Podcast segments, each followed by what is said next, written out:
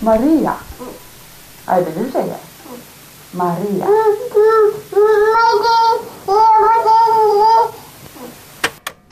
Jag vet ju inte när resans mål är här, men jag vet ju att det inte är långt borta.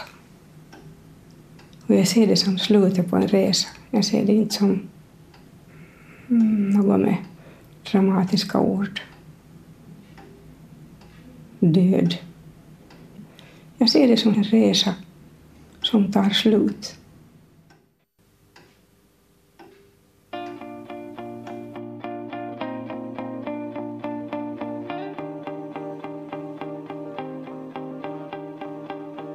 Det här är månadens dokumentär varje dag som jag inte är död så lever jag.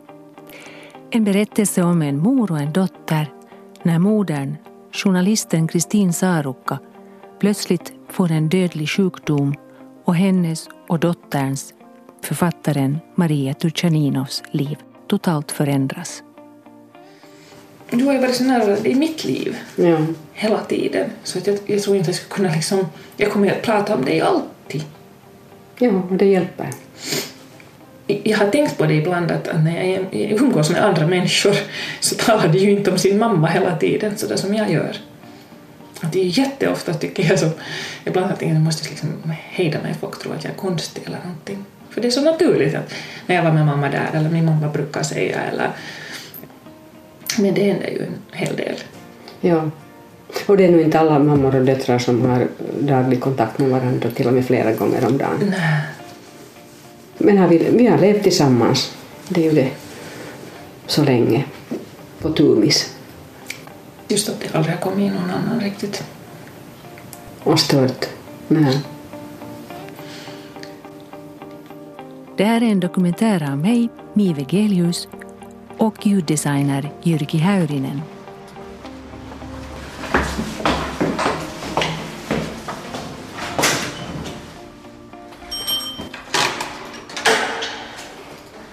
Jag träffar Kristin och Maria första gången i mitten av mars 2017 hemma hos Kristin i Helsingfors. På ytterdörren hänger en glad liten sjöjungfru i keramik med en text längst ner. Den här skylten som jag har på dörren, där det står Här bor Kristin och Maria. Den är i keramik, gjord av Ami Sundelin och hon skrev det där dit därför att Maria då ännu just precis ännu bodde hemma men, men inte bodde länge efter det. Allt sammans började våren 2014 när jag hade en stressperiod som var liksom så svår att jag fick eh, skallig svans och darriga tassar och gul nos där som sniff. Det här var någon februari-mars som, jag- som det var som värst. Och sen började jag gå ner i vikt och jag blev jättetrött och, och det hittades sen slutligen när jag fick blodförgiftning så hittades det på Maria sjukhus att läkaren kom och sa att, med att du har förmodligen lymfom. Den vanliga hälsovårdspersonalen hade ju naturligtvis bara skickat mig på blodprov och inte hittat någonting, för inte hittar man någonting sånt där på blodprov. Efter fyra månader av cellgifter såg det sen ljust ut, berättar Kristin och Maria. Jag hade en framtid så att säga. Vi var positiva. Vi var positiva båda två. Ja. Och så var jag, fick jag tillbaka håret någon gång där i februari, mars, så inte behövde längre gå med peruk. Och våren kom och sommaren kom. Och, och, eh, Var det då du fick bältros? nej, jag fick inte bältrosen där, jag fick bältrosen senare. I december 2015, alltså då hade jag varit så att säga glad i ett år och trott att jag var frisk. Så då hittade jag knö, knölar i nacken. Och så visade det sig att lymfomen hade kommit tillbaka. Och så fick jag igen cellgifter hela våren 2016. Och det var då sen i maj som jag fick bältros också. Ja. Ja. De här cellgifterna, det drar ju ner naturligtvis med immunförsvaret alldeles otroligt. Efter en tredje omgång cellgifter sa läkaren igen att allt såg bra ut. Men jag hade redan då, som jag visade åt henne, hittat en, så att säga, en knapp här under bröstet Och hon tyckte att ja, det där är nu någonting i huden, att seuratan, vi ska liksom följa med. Men hon gjorde ingenting för att göra det. Så att jag, sen någon månad senare så gick jag till vanliga hälsocentralläkaren som skickade mig på ultraljud. Och det visade sig att det var en tumör och så, eh, den togs sen bort. Och så var det samma, Det hade liksom aldrig blivit bra. Och då ville läkaren genast börja med nya cellgifter. Och då var jag sådär, stopp, nej, jag vill inte nu igen. Och jag är fortfarande jättelycklig att jag fick de där månaderna. När jag kände mig stark och frisk och normal. Annars har man som om man skulle vara invaderad av en alien i hela kroppen det, när man får de här cellgifterna. Och långt efter, det håller på ett par, tre månader efter det.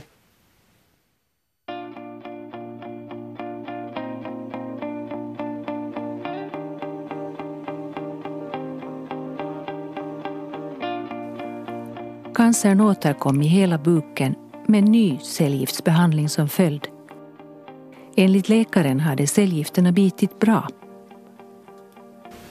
Men sen, den följande dag, så hittade jag det här stora halva ägget i armhålan. Och några nätter senare så hittade jag eh, i bröstet liksom en stenåker.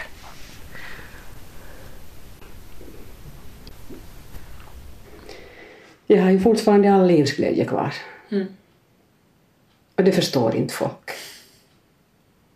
De tror att jag är liksom tuff och att jag kämpar och att jag är... Men du är bara dig själv. Jag är bara mig själv hela tiden.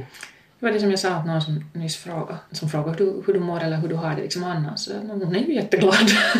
eller sådär positiv, sa jag. Ja. Jag sa inte glad, men jag sa att du är så ja. positiv som alltid. Att, och där är vi väldigt olika.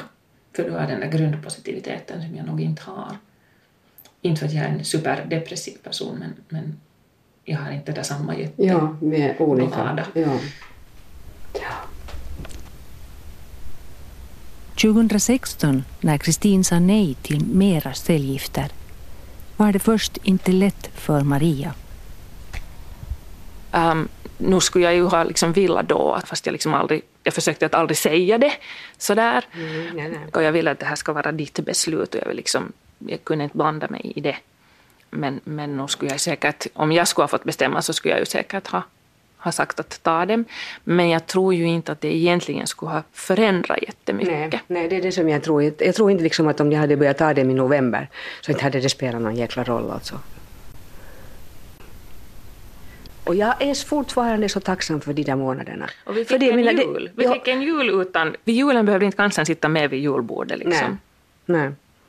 Jo, och det var ju en period faktiskt när jag tyckte det var roligt att laga mat och att äta mat. Och det som vi nu helt glömde att, att, så att säga, tack vare att du inte tog de där cellgiftsbehandlingarna i november så får vi ju till Paris. Ja, vi får till Paris den första december.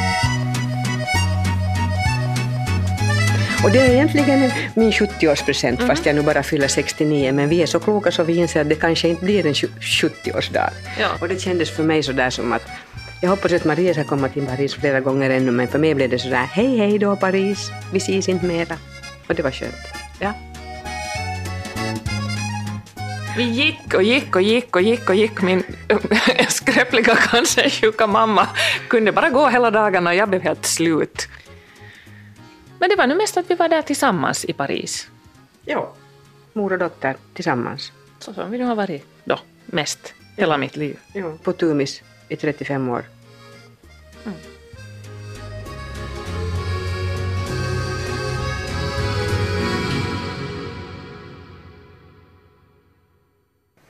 Det ska bli intressant att höra de här gamla, gamla kassettinspelningar. Det här är ju från Maria när Maria var riktigt liten. Och... Ja, nu ska vi se. Ett, två, tre, nu trycker jag. 19 juli klockan 9.00 i Gamla Karleby. Det var pappa. Pappa. Det finns inte så många röstbilder av din far, inte privat i alla fall. Så nu vet vi att det var juli, det måste vara mitt första år det. Så det är 77 nog. Ja. Det enda som jag minns så där aktivt egentligen är när jag är typ tre eller ännu mindre. Och vi sitter vid frukostbordet och jag ska till dagis. Och av någon underlig anledning får jag äta chokladpudding till frukost. Jag tror inte att det hörde till vanligheterna. Och jag vill inte alls göra som du säger. Och sen hörs det ett argt Du får inte kasta chokladpudding på mamma! Får jag sätta lite chokladpudding på cornflakesen? Nej! Men du blir så hungrig sen. Får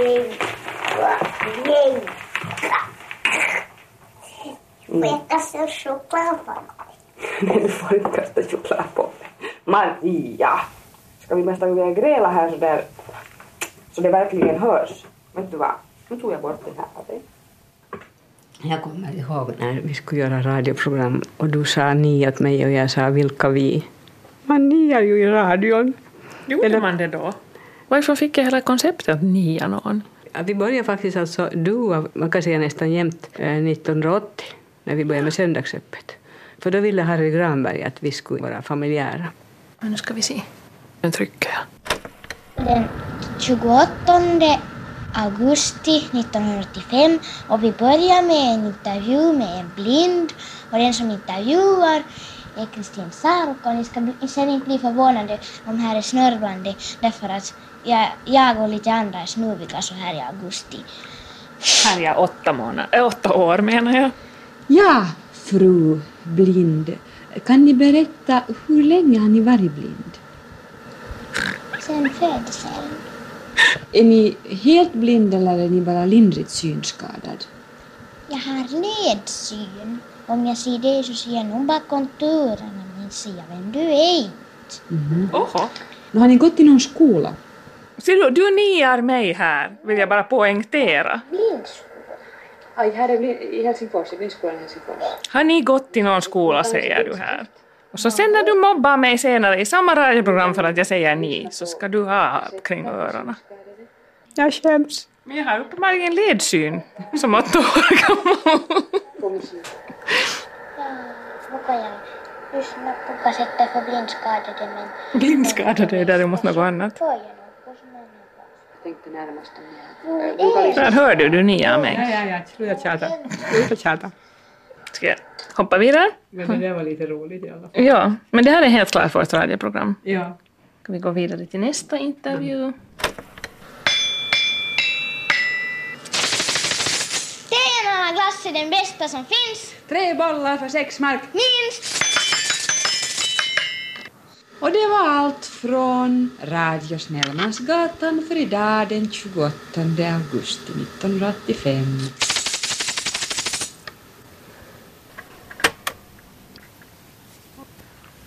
Jag, jag, jag bodde med mamma från det att jag var fem tills att jag var 19. Så var det mamma och jag. Att det där att jag hade inte någon vecka-vecka boende hos, hos min pappa eller så utan jag var där mera vartannat veckoslut eller vad det Nåja, jag minns inte men det var inte speciellt mycket i alla fall.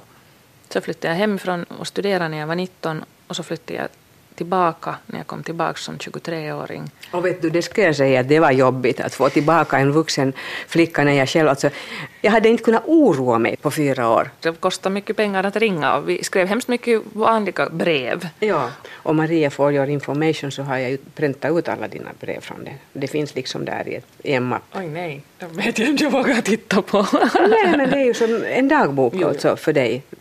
Men vad skulle jag säga sen? Ja, när Maria sen kom hem och bodde ett halvt år hemma hos Ja. mig. Så, jag, alltså, jag kunde ju inte somna på kvällarna förrän hon kom hem. Och det var jätteskönt Ja, att fast utom ut. att jag kan berätta att jag just, suttit och läst mina äh, dagböcker från när jag var tonåring och jag skriver där att ja, det är veckoslut, mamma är ute, inte vet jag var hon är, inte vet jag när hon kommer hem, här sitter jag och är tonåring och är hemma, är det här nu normalt? Ja, det var nog sant det här. Vi är olika på den punkten. Att jag är liksom lite flaxigare och Maria är lite mer hemmamänniska. Eller bara tråkigare, man kan säga så också. Nå nej, gumman.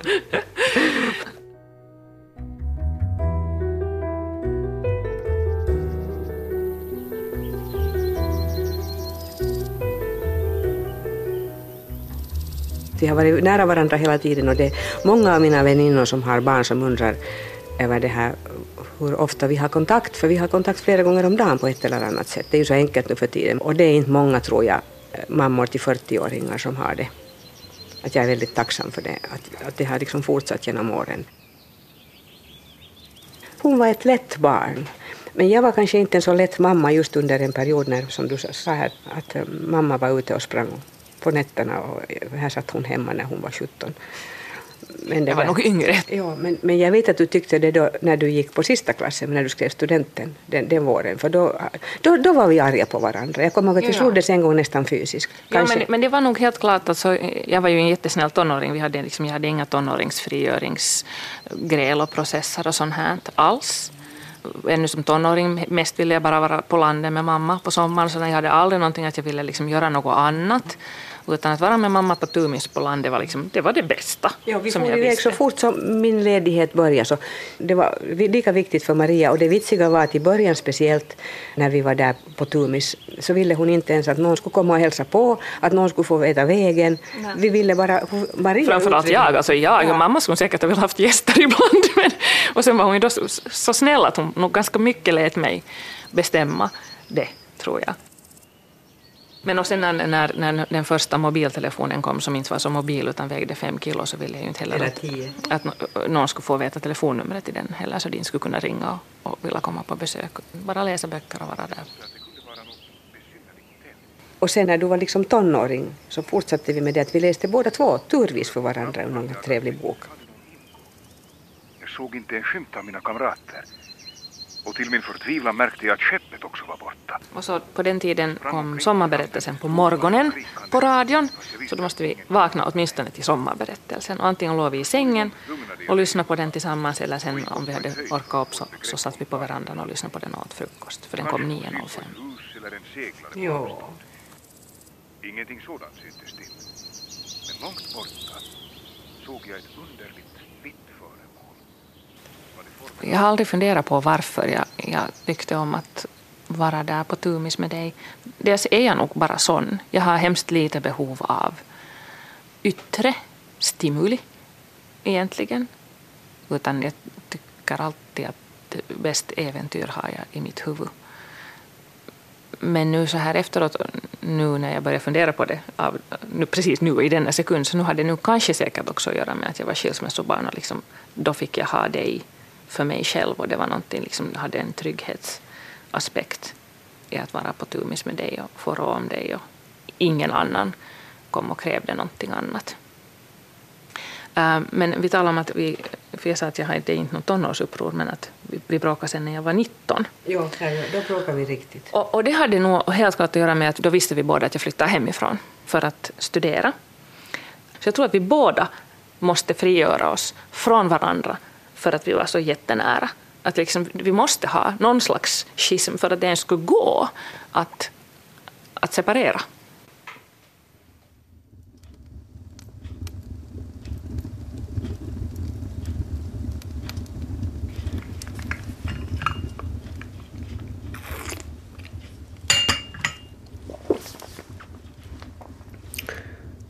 Klockan är halv åtta. Det är den 26 mars. Jag sitter på min stuga i Nedervetil och har just tänt brasan. Det är så jättemysigt. Jag älskar att vara här. Den här stugan blev klar för inflyttning 2007 i mars. Det betyder att jag har fått vara här i tio hela år. Tyvärr blir det ju inte så länge till och jag vet inte om jag kan komma hit alls mera. Om jag kan så är jag lycklig. För det är på något vis här jag känner själens ro.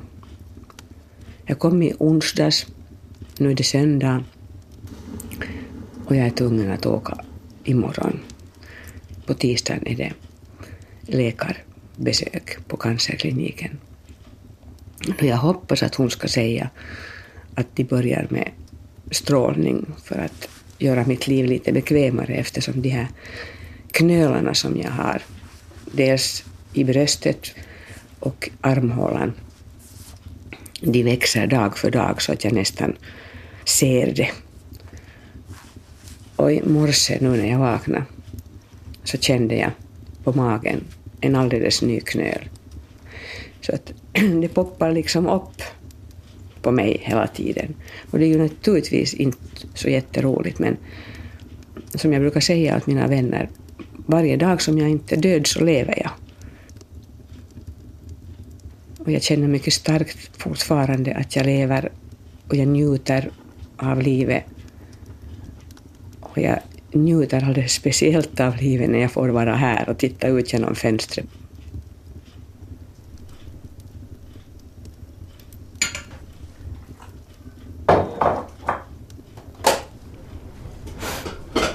Under besöket på cancerkliniken så blir det klart att Kristin ska få mera strålbehandling.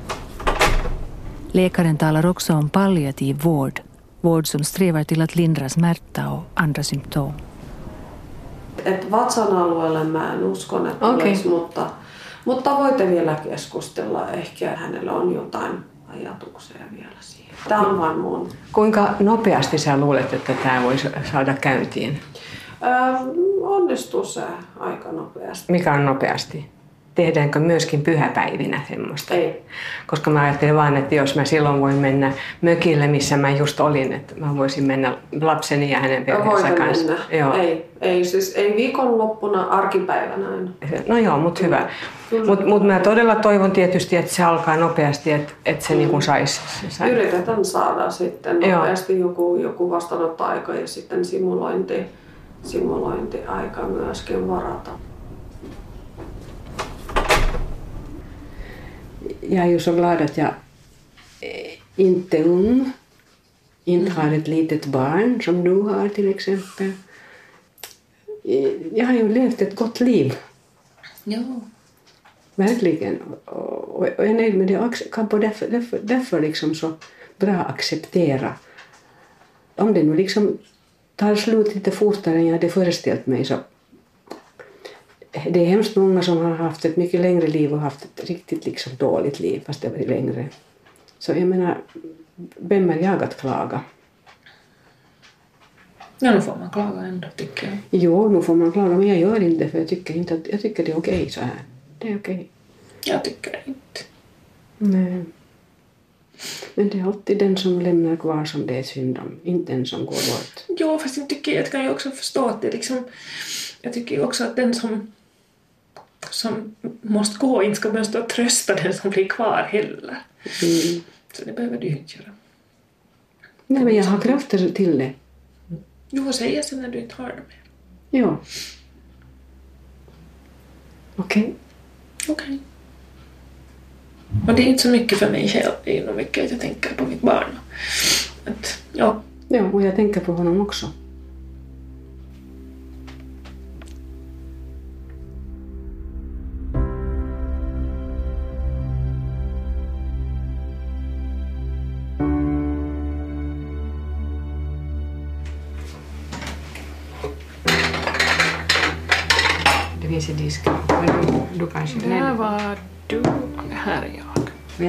Ändå sen mjölk med. Jag är så Det mjölkkall. får du inte, det är förbjudet. Ja, men till mig. Måste du dricka det här vattnet som jag släpar hem? Att du får mjölk. Men det där, så där har du lärt mig att svara. Jag Kan jag få smöret? Nej! Och nu har jag lärt mitt barn exakt samma sak och det driver hans far till vansinne. Jag brukar säga att honom också, som du vet, alltså din man, inte åt Nej, det barn. driver honom också till vansinne. Men han brukar skratta artigt. När du säger det då. Ja.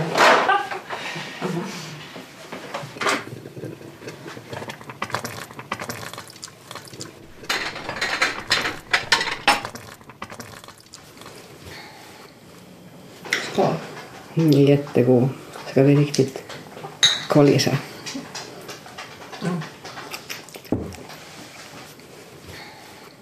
Den här situationen gör ju det också naturligtvis. Jag har alltid varit väldigt ronskig i mitt tal. Och jag blir verkligen inte mindre ronskig när jag eh, tittar döden i vitögat. Det liksom spelar sen ingen roll mer, utan jag blir bara ronskigare. Så det kan lite låta kanske hemskt för andra. Men för mig är det, jag vet inte, inte för dig förstås. Nej, för mig låter det nog inte något ronskigt, så jag tycker liksom det är bra eftersom jag har liksom upplevt att jag har förlorat en förä- förälder där vi inte alls var förberedda på det och ingenting var praktiskt överhuvudtaget i ordning med någonting, så vill jag ju också, jag har också liksom ett behov av att vi går igenom de här sakerna och jag vet var det finns papper och vad man ska göra med det här och vad man ska göra med det där. Och, att jag får inte plantera begonior på din grav för då kommer du att spöka för mig, för hon hatar be- begonior. Precis, och just på gravar speciellt, eller nu var som helst, ja, de skräpar så förfärligt.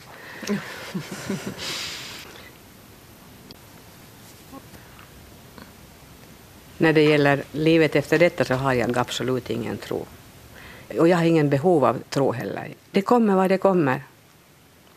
Och jag är redo. Det är liksom, jag, jag är redo men inte rädd för någonting. Och inte för själva dödsögonblicket heller, bara för det att ha hemskt mycket smärtor för det. Det är det enda, och de flesta människor har ju det. Ja, det är jag också mest är rädd för. Ja. För dig.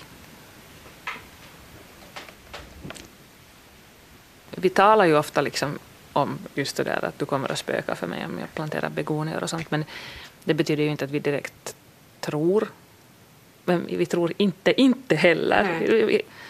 Jag tror vi bara, bara tänker att inte har man någon aning. Och jag tror att du kommer att göra precis som jag. När jag är död så kommer du att... Jag, jag, jag pratar nämligen med mamma alla dagar. Framförallt om jag har tappat någonting så ropar jag Mamma! Var är mina nycklar? Och så där. Men nu har jag ju tänkt att det där att... Nå. Att det som... att det som inte kommer att finnas ur ens eget perspektiv som barn, att det finns inte mer än någon som alltid är intresserad av allt jag gör. Så där just ur barnets jätte-ego-perspektiv. Att det kommer inte att finnas någon som alltid bryr sig om varenda liten sak jag har gjort, varenda liten klänning jag har sytt eller, eller varenda liten framgång i min karriär som jag alltid kunnat räkna med. Att, men, att mamma kan ju alltid liksom dela den här glädjen med eller den här entusiasmen eller ivern eller oavsett hur stort eller hur smått det är. Och det är sen borta.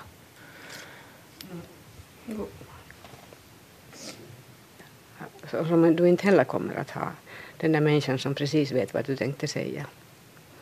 Att det har vi liksom alltid haft, att vi har så att säga tänkt i kors. Eller tänkt i kors. Hela tiden. Hela Vi tiden. vet vad den andra menar. Och det har ju att göra med att vi har så många delade upplevelser naturligtvis. Mm.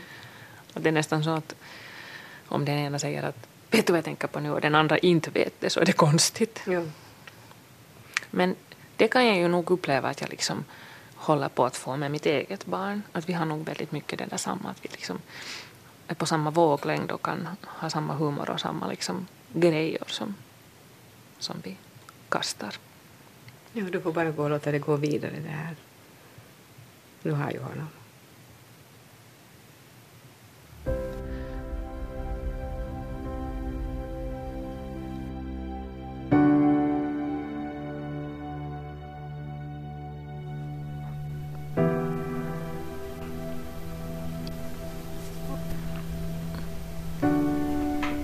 Har du blocket framme? Ja, pennan. Jag tänkte vi börjar med vardagsrummet.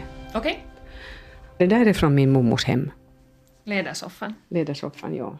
ja Och det där? Mormors kista, och den är full med brev, alltså hennes handarbeten och brev från och till fronten när kriget var.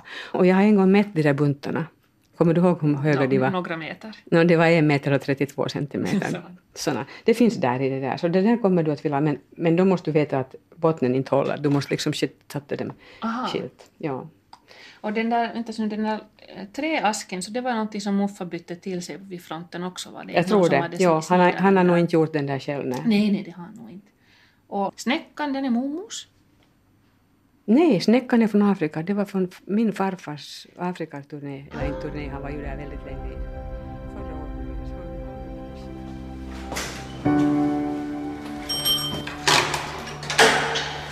När jag i mitten av april återvänder till Kristins hem i Nordsjö har hon fallit rak lång mellan köket och taburen och slagit sin mun.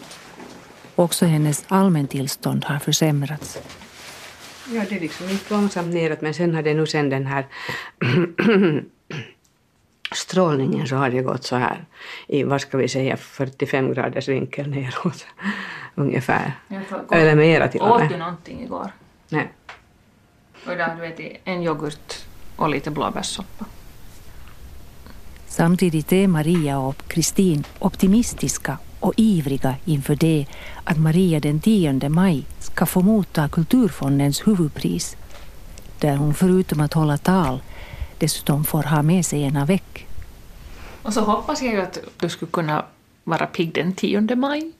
Ja. Det räknar du med? Jag räknar med. Vi tittar redan på klänning, vad jag ska ha på mig, så att jag hoppas verkligen att vi ska kunna den 10 maj. Och vi funderar just på huvudbonader här. Och smycken.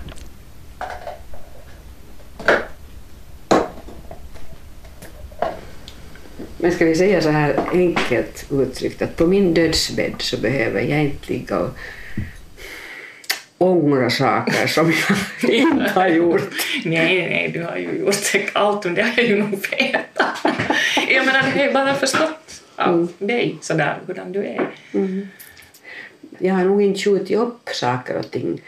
Typ att när jag blir pensionär eller när jag, någonting Nej. så ska jag göra det. Nu har jag ju Gudskelov. efterhand gjort liksom allting det som jag har velat.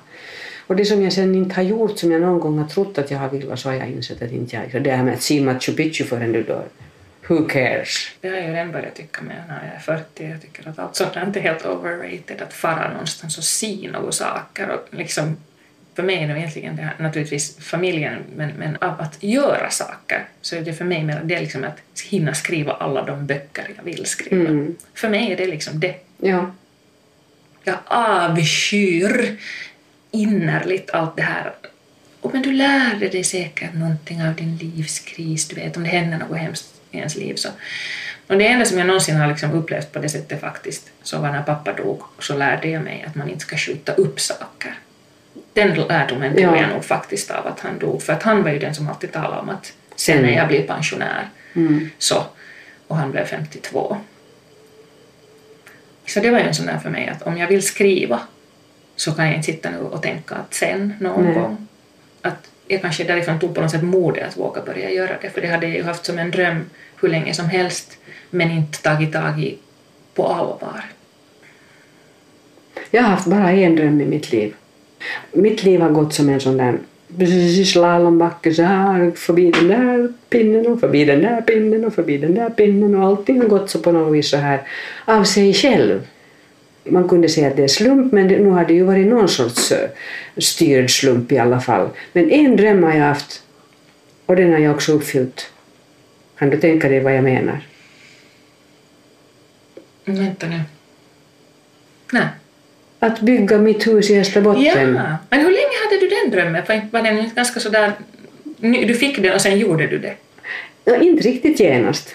Jag flyttade in 2007 i mars.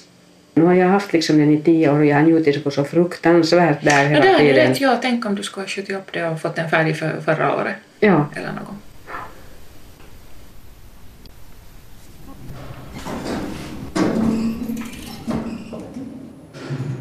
Kerros kaksi. Våning två.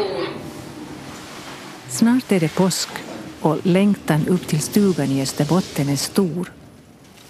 Men två dagar innan, den 12 april, tas Kristin in på Malms sjukhus och läggs i dropp. När jag kommer är Kristin ensam. Det är de här kalciumvärdena bara. Det bara handlar om dem, att få dem lägre. För att de gör en både tokig i huvudet och sen gör de en svag och sen dör man av det. När de är så himla höga. Så att det, det ska vi ju inte hossa med.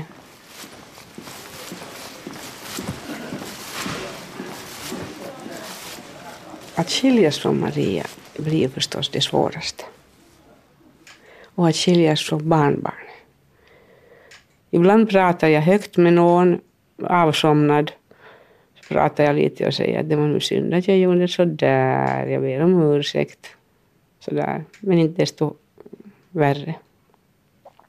Det kan till exempel handla om det att att när min mamma dog så hade jag blivit tillkallad att hon skulle dö ungefär den natten. Och ändå lägger jag mig i bädden bredvid henne och sätter fingrarna i öronen så att jag ska kunna sova. För att hon höll på liksom med armen hela tiden och drog så här över täcket. Hon var nog liksom ganska borta då redan. Och det är ont och jag har inte förstått att jag är också arg på mig själv för att jag inte krävde smärtlindring åt henne. För att hon låg och sa jag har så ont. Och då visste de att hon skulle dö. Kunde de nu inte komma med lite morfin? Det är, och så är jag arg på mig själv för att inte jag förstod det. Maria skulle ju förstå det här genast. Och sen någon dag på natten sen så kommer sköterskan och säger att nu har hon gått. Och jag var inte närvarande och höll henne i handen när jag ändå var där. Jag vill inte att Maria ska behöva vara, hålla mig i handen när jag, när jag dör, men ah, om man är på plats så gör man du det istället för att ligga där och sova. Det är nog sådär att vara mamma. Förlåt mig.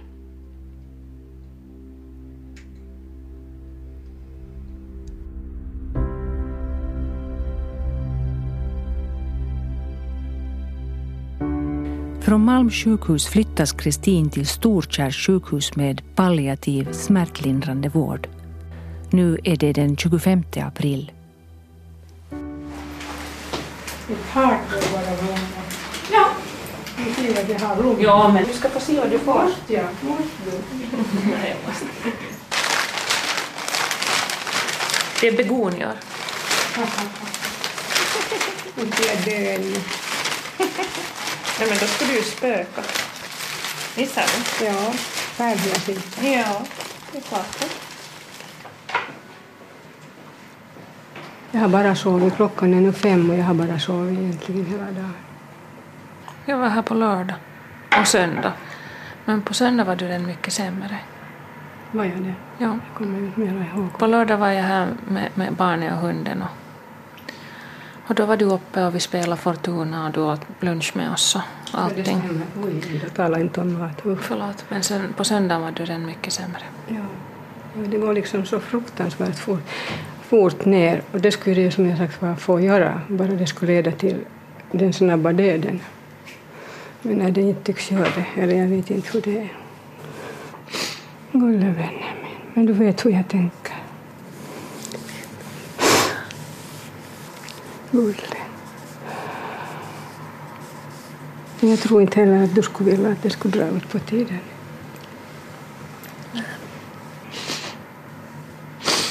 Jag har liksom två önskningar samtidigt hela tiden i mig. Både att det ska gå fort så att du inte behöver ha illa vara och att jag får ha det så länge som möjligt. Mm. Jag förstår det, det är liksom dubbelt. Ja. Olle, kom, kom ihåg sen att jag finns runt dig hela tiden sen. När jag är borta så är jag där. Och då kan du prata med mig som en frisk mamma. Det gjorde jag med, mam- med mamma också. Då är det liksom lättare igen.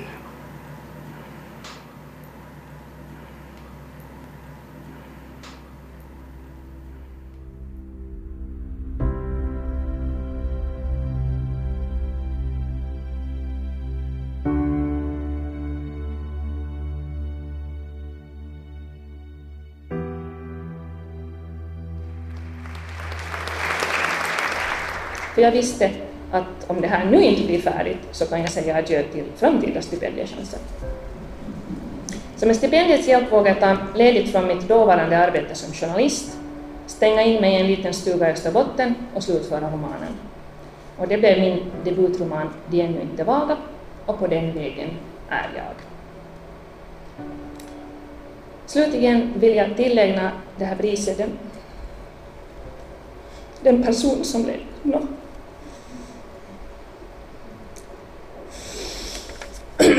Den person som läste för mig som barn, som ständigt uppmuntrat mig, som alltid trott att jag kan göra precis vad som helst. Min mamma, som dog på valborg och som gärna hade velat vara med mig här ikväll. Och som jag tror att också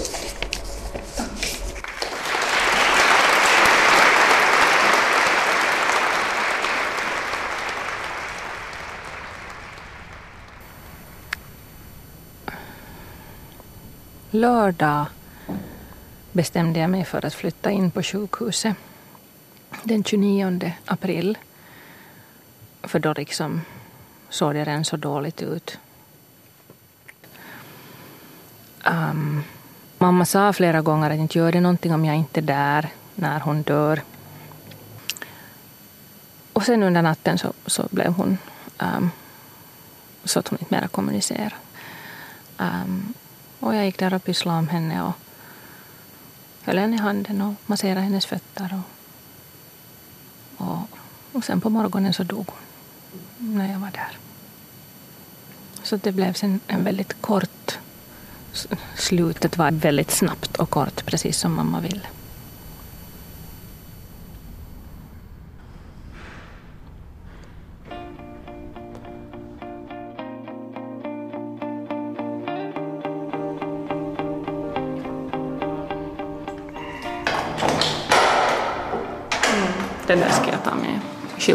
Står här bor Kristin och Maria.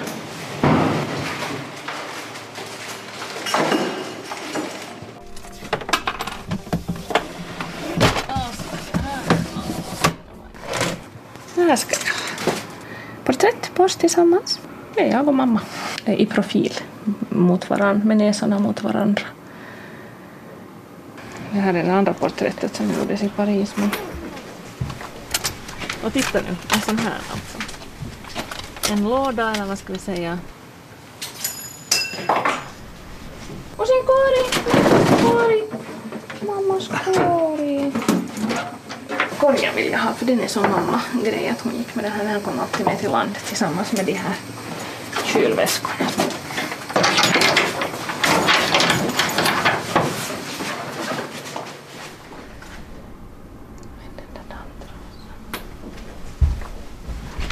Jag har tänkt på det där att en, ja, det är ju inget nytt, men nu upplever jag det själv det där att, att en mamma lämnar ett hål som ingenting annat kan fylla. Att ingen annan människa kan någonsin ta den platsen. Den rollen det är inte som en vänskap. Jag menar inte alla människor är oersättliga men just den funktionen, mammafunktionen i ett liv så kan inte ersättas på något sätt.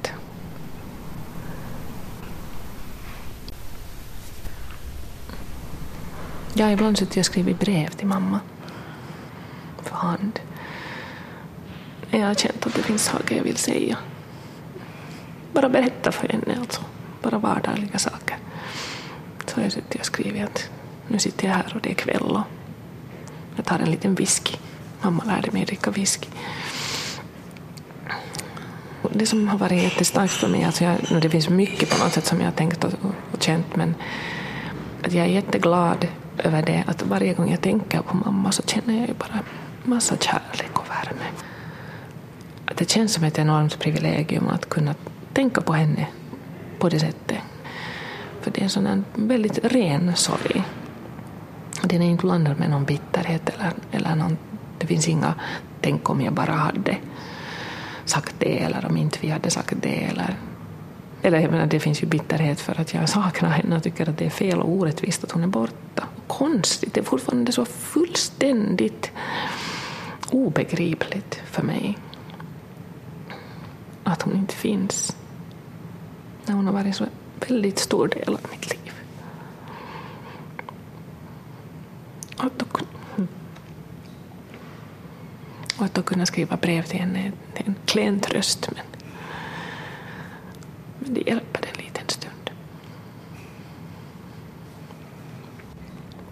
Och jag har ju märkt att jag, jag på något sätt anammar väldigt mycket av hennes saker som hon brukar göra, så tycker jag nu att jag måste göra. Jag måste säga samma saker när vi kör förbi under försommaren, framförallt när grönskan är som starkast. Så då sa mamma alltid när vi körde bil att oj, jag önskar att jag var en ko så jag fick äta av det där gräset. Och jag rullade alltid med ögonen och, vet, och himlade men jag tyckte att jag måste säga samma sak varje år. Och nu säger jag det. För nu känns det som att någon måste fortsätta att säga det här.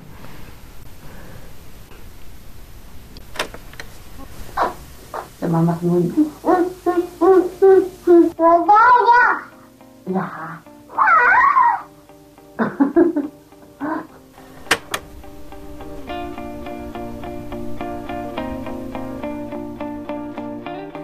Det här var månadens dokumentär Varje dag som jag inte är död så lever jag. En berättelse tillsammans med en mor, journalisten Kristin Sarukka och hennes dotter, författaren Maria Turchaninov. För ljuddesignen stod Jyrki Häyrinen. Redaktör var jag, Mi Vegelius.